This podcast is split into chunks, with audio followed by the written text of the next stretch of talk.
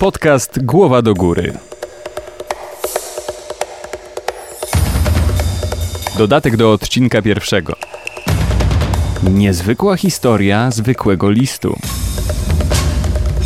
Piotr Skorupa pisze do Jerzego Kukuczki. Pamiętacie pierwszy odcinek? Zdradzę wam, że ja cały czas się boję, że tak niezwykłej historii jak w nim po prostu już nie znajdę. Jest smutna, ale wspaniała. Jeżeli nie słuchaliście jeszcze pierwszego odcinka lub go nie pamiętacie, możecie go sobie odświeżyć albo od razu, albo dopiero na koniec tego materiału. Spoilerów w nim nie przewiduję, więc to nie ma większego znaczenia. Piotr Skorupa, przyjaciel Jerzego Kukuczki, wysłał mu w 1969 roku list. Jego fragment przytoczyłem w odcinku. No ale właśnie, fragment. Chciałem przytoczyć więcej, ale bałem się trochę, że przez to historia straci swoją dynamikę, zrobi się nudna, a wy stracicie zainteresowanie.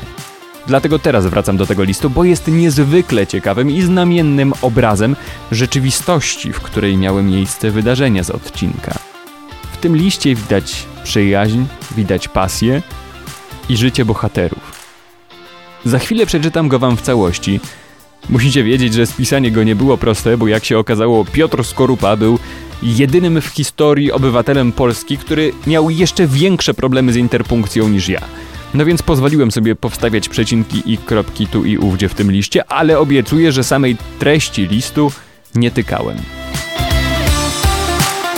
Przypuszczam, że starsi słuchacze, pamiętający jeszcze czasy obowiązkowej służby, uśmiechną się pod nosem słuchając go, a młodszym przypomną się opowieści, czy to wujków, czy to ojców, z ich czasów spędzonych w wojsku.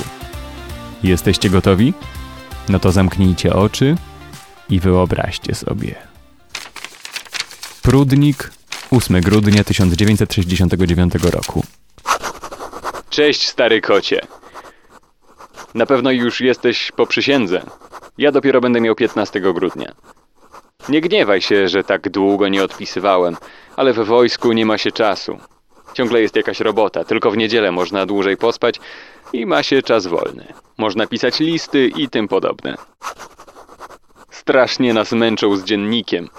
Codziennie musimy przymusowo oglądać dziennik telewizyjny. Ale na to znalazłem sposób. Gdy zbliża się dziewiętnasta, wchodzę pod łóżko i ucinam tam sobie półgodzinną drzemkę. Na telewizję chodzę tylko na klosa i na giełdę piosenki. Strasznie nie chce mi się uczyć. Patrzę w książki jak szpak w interesy i myślę o cywilu. Już dużo razy kapral chwycił mnie, że nie uważam, ale mnie to wszystko zwisa. Mogą mi skoczyć na Andrzejka i machać łapkami. Kapral jest z mojego rocznika, a udaje strasznego gieroja. Już jego krzyki mnie nie ruszają. On sobie krzyczy, a ja sobie robię swoje. Grunt to się nie łamać. Złapałem fuchę, bo ryknąłem Co za skurwesyn otworzył drzwi! A nie wiedziałem, że w drzwiach stał kapral. A drugim razem, gdy mnie obudził na alarm, to mu powiedziałem, żeby się odwalił, bo już smacznie spałem i śniły mi się przyjemne rzeczy. Od paru dni jest piękna pogoda. Słońce pięknie grzeje i piękna widoczność. Na horyzoncie widać góry pokryte lasem i skąpane w promieniach słońca, aż mi się serce kraje. Najprzyjemniejsza chwila to 10 minut przerwy. Kładę się na ziemi, pod świerkiem i przyglądam się wiewiórce. Zazdroszczę jej tego, że może się cieszyć wolnością. Leżąc tak sobie w wyobraźni, przeniosłem się na skałki. Wyobrażam sobie, że leżę pod skałką i odpoczywam po wspinaczce. Obok mnie Bożena, Duśka i ty. Z przyjemnych marzeń wyrywa mnie głos kaprala. Prysły moje marzenia, wróciła rzeczywistość i dalej się człowiek męczy, ćwicząc krok defiladowy. O, żeby już było po przysiędze. Może by już dali spokój temu krokowi. Nie wiesz nawet z jaką przyjemnością bym się powspinał. Wyhaczyć jakąś piękną dziewiczą drogę, wbijać haki, podawać komendy. Czerwona ściągnij, niebieska luz, a z dołu dobiegałby twój głos. Ściągam. Ostrzec partnera, że hak słabo trzyma, żeby uważał. Wpina się ławeczki, staje i nagle leci się w dół. Lekkie szarpnięcie oznajmia, że drugi hak wytrzymał, a partner nie zawiódł. Jura, gdzie są te czasy, w których mogliśmy się wspinać do woli? Kiedy znowu wyciągniemy nasz sprzęt hakowy i przymierzymy do jakiejś pięknej drogi na kazalnicy? W ten tydzień mieliśmy straszny zajob. Co róż dwa alarmy. W dzień na zajęciach biegi w maskach. W środę po trzygodzinnym tłuczeniu w asfalt zrobili nam bieg na trzy kilometry w całym oporządzeniu. Bieg ten to był czysty obłęd.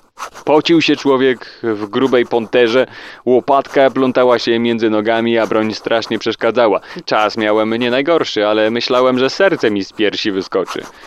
Niektórzy chłopcy to padali, tak byli wykończeni. Ale za to w sobotę mieliśmy fajne zajęcia. Było bardzo zimno, więc rozpaliliśmy ognisko i nic nie robiliśmy. Zdążyłem już zrobić sobie parę zdjęć, więc jedno ci przesyłam. Wyszedłem na nim nie najlepiej, ale trudno. Gdybyś miał swoje zdjęcie, to mi prześlij. Na tym kończę list. Trzymaj się, stary byku. Do szybkiego zobaczenia. I co wy na to? Dajcie znać, co pomyśleliście sobie o tym liście i o jego autorze, zwłaszcza w kontekście jego dalszych losów, które być może już znacie z odcinka pierwszego. Ode mnie na razie to tyle, ale wkrótce podrzucę Wam więcej tego typu materiałów uzupełniających już opublikowane odcinki.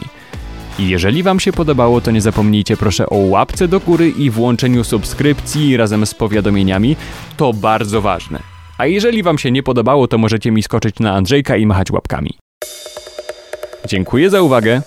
Łapka do góry, znaczy głowa do góry i do usłyszenia. Bądź zobaczenia następnym razem.